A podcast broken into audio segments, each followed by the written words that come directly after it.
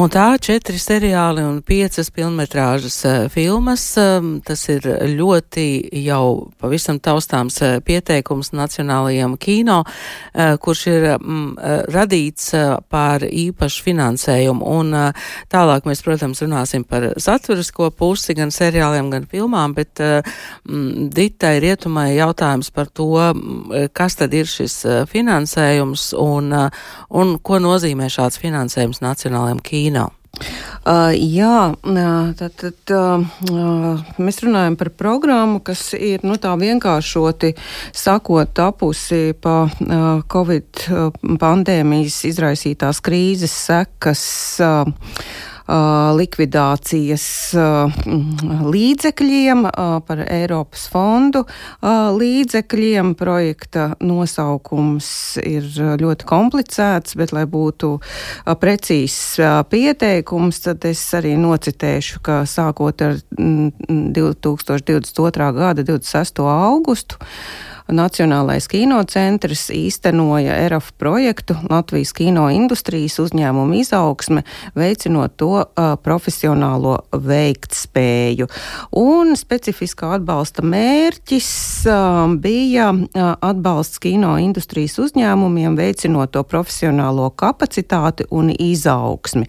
Un uh, proti, uh, kā var veicināt profesionālo kapacitāti un izaugsmu kino jomā? Strādājot, strādājot, strādājot, nodrošinot darba darba vietas, nodrošinot projektus, tātad veidojot filmas. Un, jā, šis ļoti apjomīgais, ārkārtīgi sarežģītais projekts beidzās šā gada 31. decembrī. Tātad, nu, skaitam, cik no, nu, tas, tas, tas ir mazāk par pusotru gadu, tātad gads un daži mēneši šāda apjoma kino darbiem. Tas ir nereāli īsts termiņš, bet jāsaka milzīgs paldies kino profesionāļiem, produ, filmu producentiem, studijām, kas bija iesaistīti projektā, kas piedalījās konkursā un uzņēmās šo arī milzīgo darba apjomu, milzīgo darba tempu.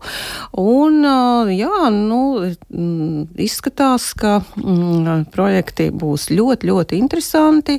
Tie ir veidoti ar entuziasmu, ļoti dinamiski faktiski, nu, faktiski nu, visu, visu cieņu. Jā, ļoti sarežģīts eh, finansējuma nosaukums, bet uh, tas rezultāts uh, būs tāds, ko mēs redzēsim uz, uz dažādu lieluma ekrāniem. Un ir tāda sajūta, ka visvairāk mēs esam dzirdējuši par to, kā padurs muižā šovasar filmēja Pansija Pilī pēc um, Anšlava Eglīša romāna. Un es saprotu, ka tā struktūra daudz sērija filmē Pansija Pilī būs līdzīga kā Emīlija Latvijas preses karaliene, kad ir vairāk vairāki režisori, un tad ir mm, pēdējā mm, astotā dokumentālā sērija. Mēs varam paklausīties, ko saka viens no režisoriem un arī scenāriju, viens no veidotājiem Ivo Briedis. Šis romāns, protams, nebija nemaz tik viegls dramatizējumam, jo tas tomēr ir atmiņu romāns. Un, un Nu, tas nozīmē, ka viņš vairāk tāds fragmentārs, tāds nelineārā attīstībā, un mums daudz kas bija jāpiegudro. Bet galvenais uzdevums bija saglabāt šo gaišo pusi, to komēdijas pusi. Lai arī pašā romānā, nu, tur, protams, ir iekodēts kaut kāds mazliet eh, smelts eh, notis. Jā, tas tomēr ir atmiņa romāns par zaudēto paradīzi. Un tā mūža tā, tā metafora arī visai valstī. Viņš to Amerikā rakstīja jau emigrācijā. Bet mēs tomēr pieturējāmies pie tās gaišās puses, un, un, un, un Anšlaus bija ļoti prasmīgs uh, varoņu veidošanā. Viņš kā arī vizuāls mākslinieks, te jau bija teikts, kā, kā viņš attiecās, viņš to kaut kā stādījās priekšā, un to viņš mums deva kā labu instrumentu. Es ceru, ka tas būs redzams arī uz ekrāna. Jā, tātad viens no uh, Pansijas pilīs scenārija veidotājiem Ivo Briedis. Um, Dita, jūs arī bijāt padurē paskatīties, kā tur filmē? Uh, jā, vasarā es biju īsā vizītē arī padurē, un vakar mums bija prezentācijas laikā iespēja arī parādīt, nu jau, nu, fragments no faktiski jau gatavā vai pabeigtā seriāla, un domāju, ka visiem tiem, kas ievēroja uh, iepriekšējo šīs studijas, proti studijas mistrus mēdī seriālu uh, Emīlija Latvijas preses karaliene, nu tiem uh, seriāls Pansī pilī noteikti patiks, ja tā, ja drīkst lietot šo kā banālo vārdu. Tas ir, uh, jo, uh, nu, ir jūtams uh, šis studijas rokraksts, ir jūtama profesionāla pieeja seriāla veidošana arī šādos ļoti, ļoti skarbos apstākļos. Tā tad, jā, vairāki režisori, kas, nu, kas palielina darba intensitāti. Nu, ja mēs tā no kapitalistiskās ražošanas principiem, tad viss ir izdomāts, lai tiešām šādu sarežģītu gāro stāstu nu, spētu uzfilmēt vienas faktiski vasaras laikā.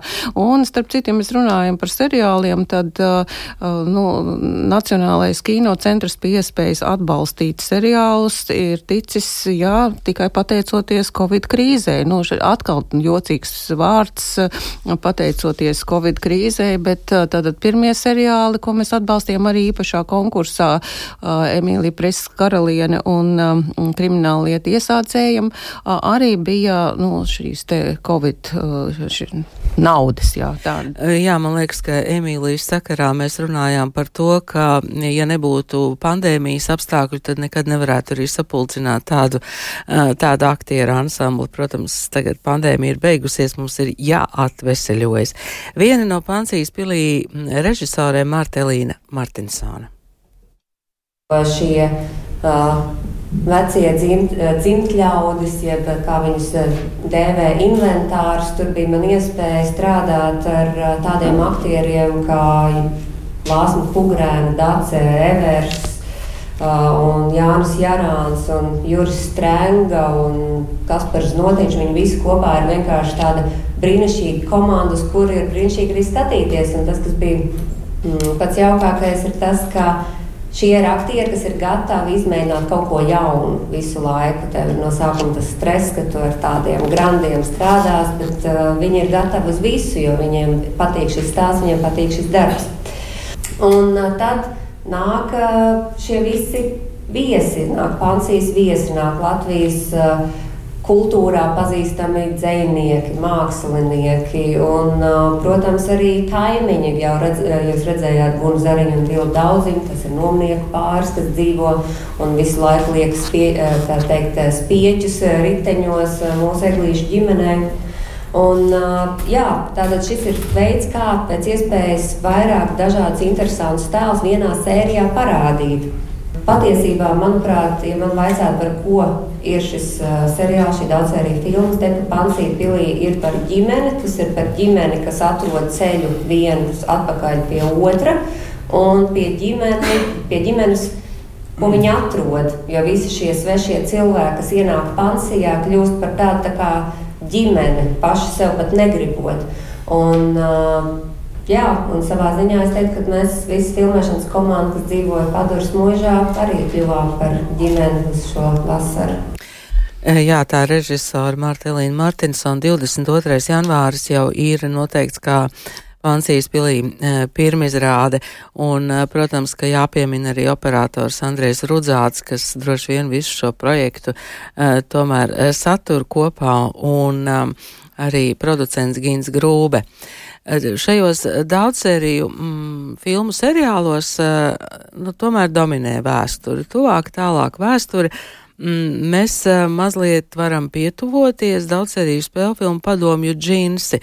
Mm, to veido mm, divi režisori, Staņslavs Tokalovs un uh, Juris uh, Kursietis. Uh, kāda dita ir sajūta par padomu džinsiem? Uh, jā, vispirms es mēģināšu atbildēt to vēsturisko aspektu. Uh, šis bija atklāts konkurss, atvērts konkurss dažādām idejām. Uh, nebija uzstādījumi, ka jāveido ir seriāli un filmas tikai un vienīgi par vēsturi, bet nu, piedāvājums ir tāds, kāds tas ir. Čet, trīs no četriem seriāliem ir par vēsturi tuvāk vai tālāku. Viens no seriāliem, kur nosaukums ir asistenti un kuru veido nu, vēl joprojām jaunās režisoras, Alisa Zariņa un Liena Linde. Tas, tas ir mūsdienu stāsts.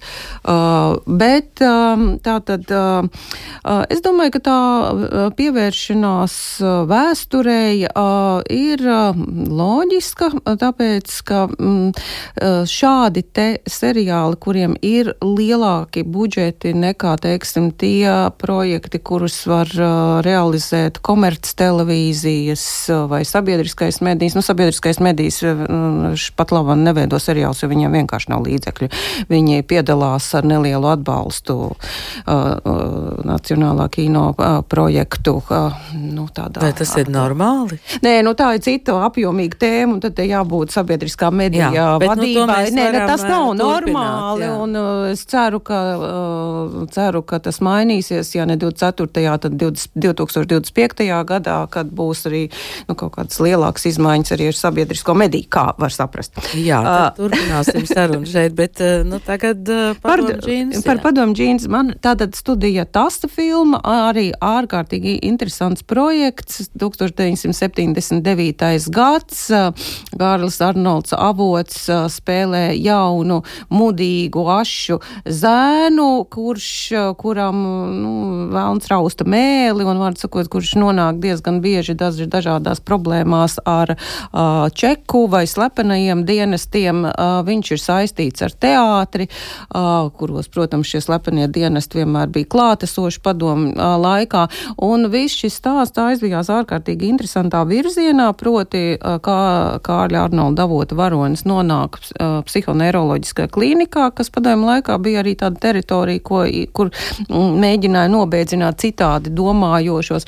Un šajā klīnikā viņš kopā ar medicīnisko personālu, atsevišķiem medicīniskā personāla pārstāvjiem, viņš izveido nelegālu džinsu ražotni. Izklausās pilnīgi fantasmagoriski, bet arī šī scenārija pamatā ir kaut reāli stāsti, reāli, nu, ja ne dokumentāli, precīzi stāsti, bet pētniecība un reāli stāsti. Un es arī uzdevu jautājumu vakar Jurim Kursietim, vienam no seriāla režisoriem, nu kā viņam izdevies tik perfekti tur to džīnsu un nelegālo džīnsu rūpalu tur restaurēt, kā tas tiek šūts un kā tur tās kniedes tiek liktas. Un uh, Juris Kursiets izstāstīja brīnišķīgi piemēru, ka būtībā Latvijā tajā laikā, 70. gadu beigās, jau bija tādas ļoti labas, nu, vienmēr Latvijā ir bijušas labas amatniecības tradīcijas un uh, savulaik. Uh, Tās bija ievirzītas. Ja, ja, rūpnieciskajā gultnē džinsu ražošana. Un tur ir daudz vēl vis, ļoti interesanti stāsti, un man liekas, ka šis seriāls uh, ir. Uh, Tā ir komēdija, tā ir drama, dramēdija. Tāpat kā Pansija pilī, tā, tā nav tā mūsu smagnējā vēsture, un mums ir daudz smagnēja vēstures stāsti. Šī jau ir, šis jau ir solis tālāk, mēģinājums paskatīties uz mūsu vēsturi. Uh, nu, draiskāku, komiskāku, ironiskāku, un kas arī ir loģisks process, kādos žanros mēs mēģinām saprast to, nu, to mūsu pieredzi. Jā, un šobrīd man šķiet, ka ir interesanti paklausīties arī, kāda ir tā priekšvēsture padomu džinsiem, ko izstāstīja Staņislavs Tokolovs, un pēc tam arī otrs režisors Jūras Kursietis. Šī ideja uz to seriālu pa posmiem parādījās jau 2012. gadā, kad man piezvanīja viens producents no Krievijas. No pirmā kanāla un teica, ka nu, ļoti interesētu izveidot stāstu par tādu parādību kā cehaviki.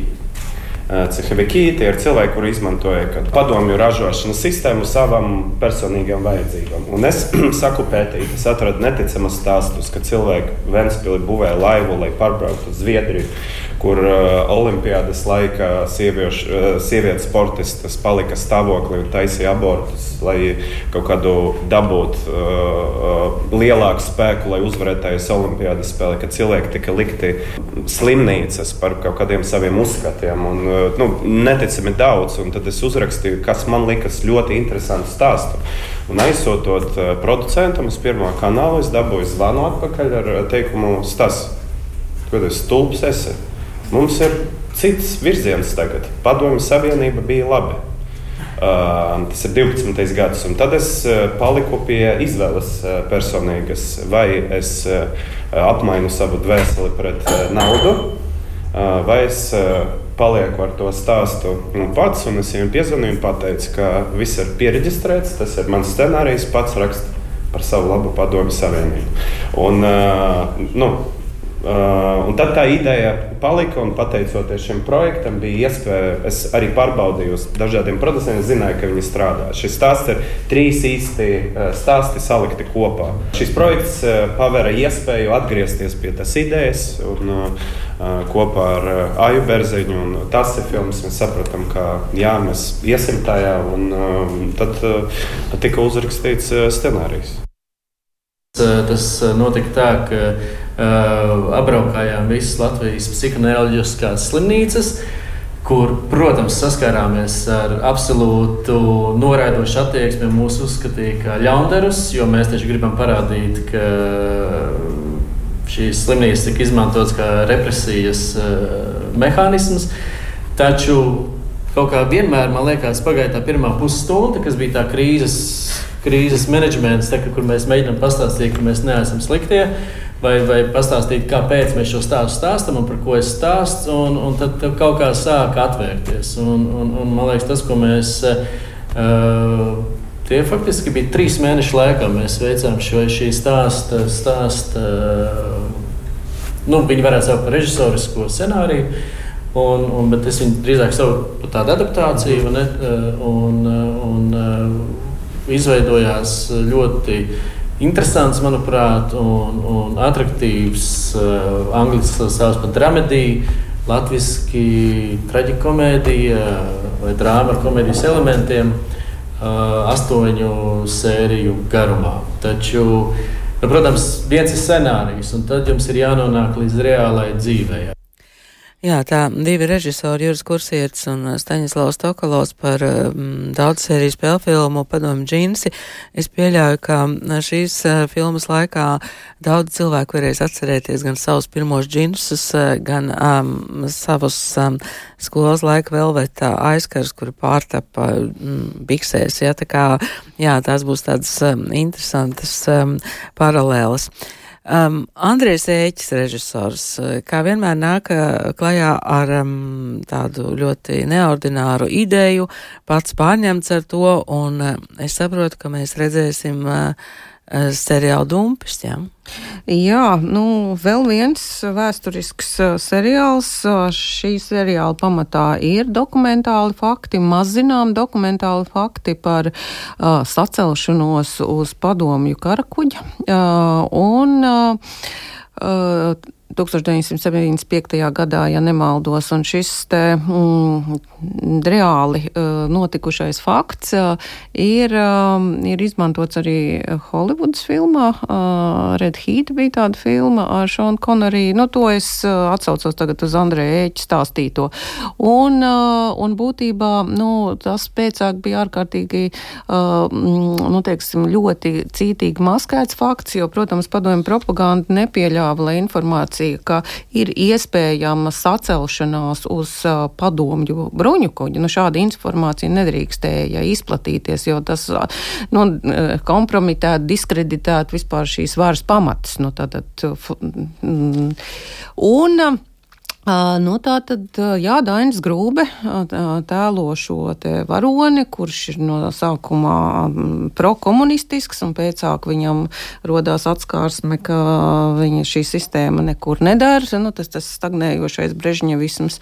Un, un, nu, un, jā, ir notiek konfrontācija, un, protams, padomu laikā konfrontācija ar vāru parasti beidzās nepārāk optimistiski. Gan drīz tā kā tajā tajā vietā, kur filmē padomu džins. Uh, jā, nu vēl, vēl, vēl trakāk. Vēl, vēl trakāk. Uh, bet uh, bet uh, seriāls ir, uh, es domāju, tas ir interesants gan no stāstu viedokļa, gan no formas viedokļa, gan arī, jāsaka, visu cieņu arī tam milzīgajam tempam un arī tām milzīgajām mēķu kunga ambīcijām padarīt šo seriālu, nu, teiksim, tādu starptautiski vizuālu vizuāli ko konvertējam. Jā, jau skaidrs, ka nu, nav vienkārši uzbūvēt kara kuģus, atrast vietu, kur filmēt norises uz kara kuģa, nu, un tas viss nepilna gada laikā.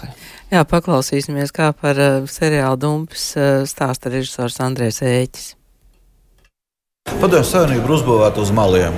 Un viens no galvenajiem meliem ir tas, ka tā ir darbļaužu valsts, kurai gribēja tādu skaistu nākotni un tam līdzīgi. Bet īstenībā to kā vienmēr sagrāba kaut kādi autokrāti, kuri, nu, kā Brežņevs, Kruščevs, Staļins un tā tālāk, kuri faktiski vienkārši ir runa vienkārši par, par varu un ne par ko vairāk. Nu, lūk, un šajā skaistajā valstī 1975. gadā sākās uz, uz viņa lielākā flagmaņa sākās sacelšanās. Nevis sacelšanās, cits sauc par sacelšanos, cits par dūmu, cits par revolūciju. Tātad viens uh, cilvēks, kas ir uh, otrais pēc kārtas uz padomju kara kuģa. Uh, kurš ir politruks, cilvēks, kurš nezinu, tas ir no partijas atsūtīts cilvēks, kas uh, atbild par ideoloģisko stāvokli visu karavīru smadzenēs. Saka, ka Brežnevs varas apavos un ka jātaisa revolūcija. Viņš grib nozagt kuģi, aizvest uz Ļeņģerādu, nostāties. Tie, kas zina to leģendu, kad ir no Auroras ir bijis šāviens un sākās pret caru varu revolūcija, izdarīt to pašu. Nu, faktiski tas ir visšausmīgākais, kas var notikt padomju valstī, valstī, kurā ir uzvarējusi jau sociālistiskā revolūcija, vēl viens tā ir vēl viena revolūcija. Un faktiski nu, tas tiek, tiek izdarīts viss no tukuma lidlauka, no šauļu lidlaukiem, no Kaļiņgradas parādās entie kuģi, apmēram 50, 60 lidmašīnas, kuras kaut kādā veidā nevar nogremdēt to kuģi. Jo tas kuģis ik pa brīdim raida kaut kādus savus signālus un pierunā visus nepiedalīties. Kaut kas līdzīgs kā pa ķomkinā. Un, un, un tad viņi pavēl viņu vispār tā iznīcināt, ka viņi ne, no viņa ne, ne smakas nepaliek. Nu, bet to, protams, viņam neizdodas. Zviedri domāja, ka sācies trešais pasaules karš. Un, un, nu, nu, jā, viņi beigās tomēr noķēra, ieliek psihanē un nošāva šo galveno varoni. Bet Krievijā vēl joprojām šis stāsts nav izstāstīts īstā versijā. Kaut kāda versija bija 90. gadā, bet tas neizdevās. To, nu, to nevarēja pieļaut Krievijā. Mūsu līnija bija apmēram tā, ka nu, mēs domājam, nu, kāpēc mēs stāstītu Krievijas armijā notiekošu stāstu un tam līdzīgi. Mums bija tā doma, ka tomēr tā nesen, uh, nesen okupētā valsts, nu, 40. Nu, gada okupētā valstī, kurā viņš ierodās dienēt, viņš tomēr nesaprot, kāpēc tie vietējie ar viņu tā ļauni izturās. Ja, tas viss notiek komunālā dzīvoklī, kurā ir trīs ģimenes. Viena latviešu ģimene, kurai kādreiz piederējis tas viss dzīvoklis, ir un jau divas krievu oficieru ģimenes, jau, kuras ir padomju oficieriem, krievu oficieru ģimenes kuras savukārt nu, kaut kādā veidā miedarbojas ar tiem latviešiem. Viņi nevar neied, neiedar, ne, neiedarboties, bet miedarbojoties, tas krievu oficieris kaut ko sāk saprast. Kaut kas nav kārtībā. Mēs kā, faktiski gribam, mēs rādām Latviju no okupanta acīm. Eh, jā, tā ir režisors Andrēs Ēķis eh, par mm, seriālu Dumpis. Nu tad eh, tie vēsturiskie seriāli būtu mazliet ieskicēti. Viens ir par mūsdienām, un tas sauksies asistente. Tātad arī jaunu režisoru pieteikums. Jā, režisors Liena Linda, Alisa Zariņa arī uh, abas strādā plecu pie pleca, roka rokā, abas ir uh, veidojušas arī scenāriju. Uh, mūsdienu stāsts galvenā varone uh, meit, nu, sociālā darbiniece, jauna meitene, kura uh, uh, izzina dzīvi, saskaroties ar dažādiem uh, sociālo slāņu pārstāvjiem, mēģinot risināt viņu problēmas. Faktiski katra epizode ir veidota tā, lai ir šī saskarsme ar vienu varoni. Uh, un es domāju, ka mm, seriāls arī ir veidots nu, tad, nu, jau populārajā žanrā dramedija, vai tā ir gan drāma, gan komēdija vienlaikus.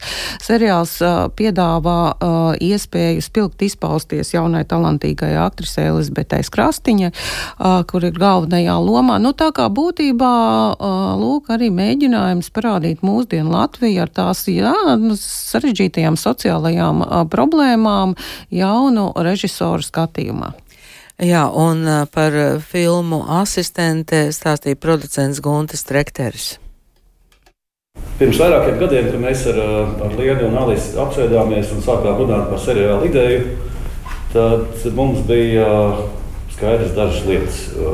Tā, tā pirmā lieta bija tā, ka mēs gribam taisīt filmu seriālu par mūsdienām. Um, otrā lieta um, bija tā, ka Alise un Liena gribēja teiksim, turpināt strādāt tajā savā iemīļotajā žanrā, kas ir tāds drāmas un komēdijas apvienojums. Un, un, un trešā lieta bija, ka mums šķita, ka, ka šai filmai, ka šim, šim, šim seriālam ir, ir jābūt kaut kādai pievienotai vērtībai, ka tas nav tikai tāds uh, tīrs izklaides pro, produkts, bet arī mēs kaut ko pasakām, mēs, mēs um, definējam savu pozīciju. Uh, mūsu seriāla galvenā varone ir Lulu. Tā ir jauna meitene, kas uh, pamet darbu nekustamo īpašumu aģentūrā un sāk nodarboties ar dažādiem sociālajiem projektiem. Uh, viņa palīdz nezinu, tur, sīriešu bēglim vai kādai, kādai jaunai māmiņai, kas cieš no vardarbības, vai kādam pavecākam kaimiņam, pensionāram, kur vajag, kuram vajag norganizēt acu operāciju.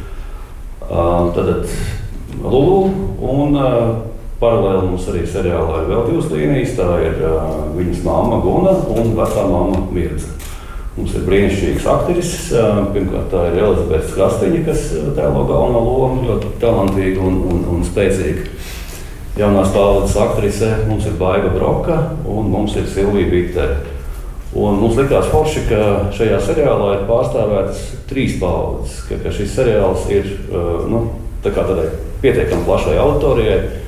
Katram tur būs um, kaut kas interesants. Um, katrs varēs sev kaut ko um, interesantu atrast. Jā.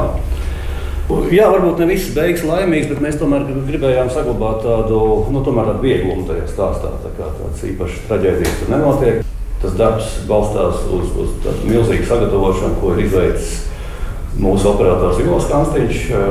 Jo, jo, nu, viņš patiesībā ir tas, kas redz to visu bildi un stāstu kopā. Un, un, un bez, viņa, bez viņa ieguldītā darba mēs nebūtu. Mums ir arī brīnišķīga mākslinieca Ieva Kalniņa.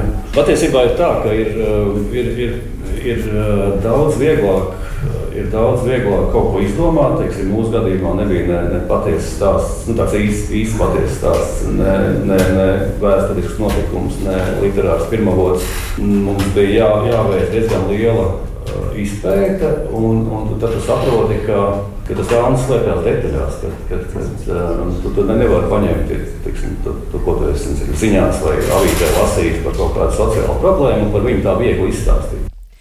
Jā, tā producents Guntis uh, Trekters par um, seriāla asistenti. Es saprotu, ka um, šī um, grupa, radošā grupa vēl strādā, tāpēc producents bija tas, kas arī par to stāstīja.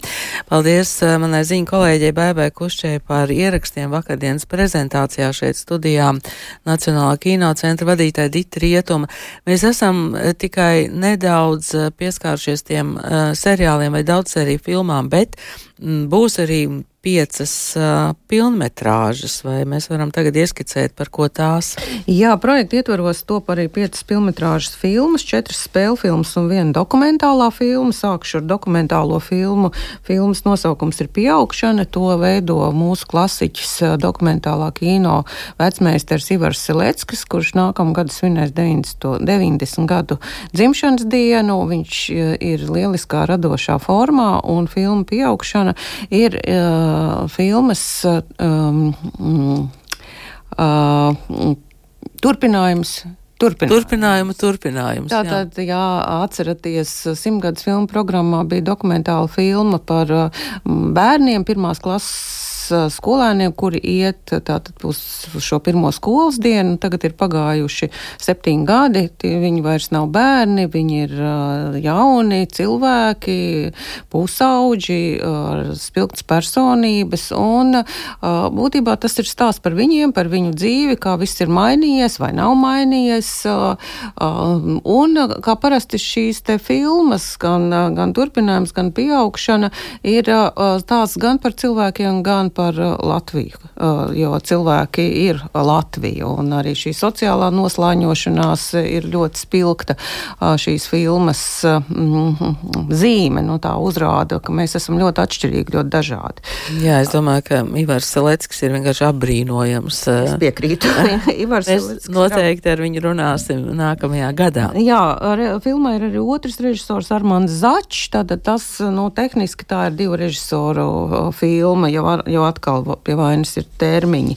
Uh, un uh, turpināsim ar Armandu Začu, arī viņ, viņam ir arī kā uh, solo režisoram šajā programmā filma, to producē cita studija, tā Sija White Pictures, uh, režisor, uh, es atvainojos, producenta Alisa Ģelze. Šīs uh, filmas nosaukums ir Visi mani draugi drīz būs miruši. Tas ir ļoti mm, niansēts, uh, dramaturgiski interesants stāsts par Armandu Začu paudzi. Armands Začs ir uh, 20 gadnieks vēl, tūlīt būs 30 gadnieks vai uz tās robežas, un tā tad uh, visas šīs paudzes neirozes, uh, problēmas, mulsums. Nu, būtībā es domāju, tie vecāki, kuriem bērni ir apmēram šādā vecumā, būs ļoti laimīgi skatoties šo filmu, jo būs iespēja uzzināt kaut ko vairāk par šīs paudzes domu gājienu, kas dažreiz iz, izsauc izbrīnu. Uh, nu, tas tāds joks. Mēs varam droši vien vēl tikai ātri pateikt, kādas vēl filmas ir jā, sagaidāmas. Tātad Lācis un Cālis, TTT leģendas dzimšana, uh, režisors Dzintars Dreibergs, uh, sporta stāsts, spēcīgs sievietes raksturs, galvenā lomā Agnese Budovska, kādreizējā cīrule, uh, un uh, ļoti interesanta uh, animācija vai rotoskopijas tehnikā veidota, nu tāda žanriska, ļoti oriģināla filma Dievs suns, uh, ko, uh, ko veido brāļi uh, Lauris Ābele un Raitis Ābele. Un esmu aizmirsusi vēl noslēdzošo, bet nebūtu nemaz svarīgo bērnu filmu Bum, ko veido Marta Aselecka un Andra Dorša. Būtībā cilvēki, kas ir tutas lietu radītāji. Tā tad tur viņi zina, ko viņi, dara. Viņi zina, ko dara. Jā. Paldies šodien par tādu maratonu ieskrējienu 24. Gada filmām. Šeit studijā bija Nacionālā kinocentra vadītāja Dita Rietumā. Mums vēl būs arī laikmatīgā dēja.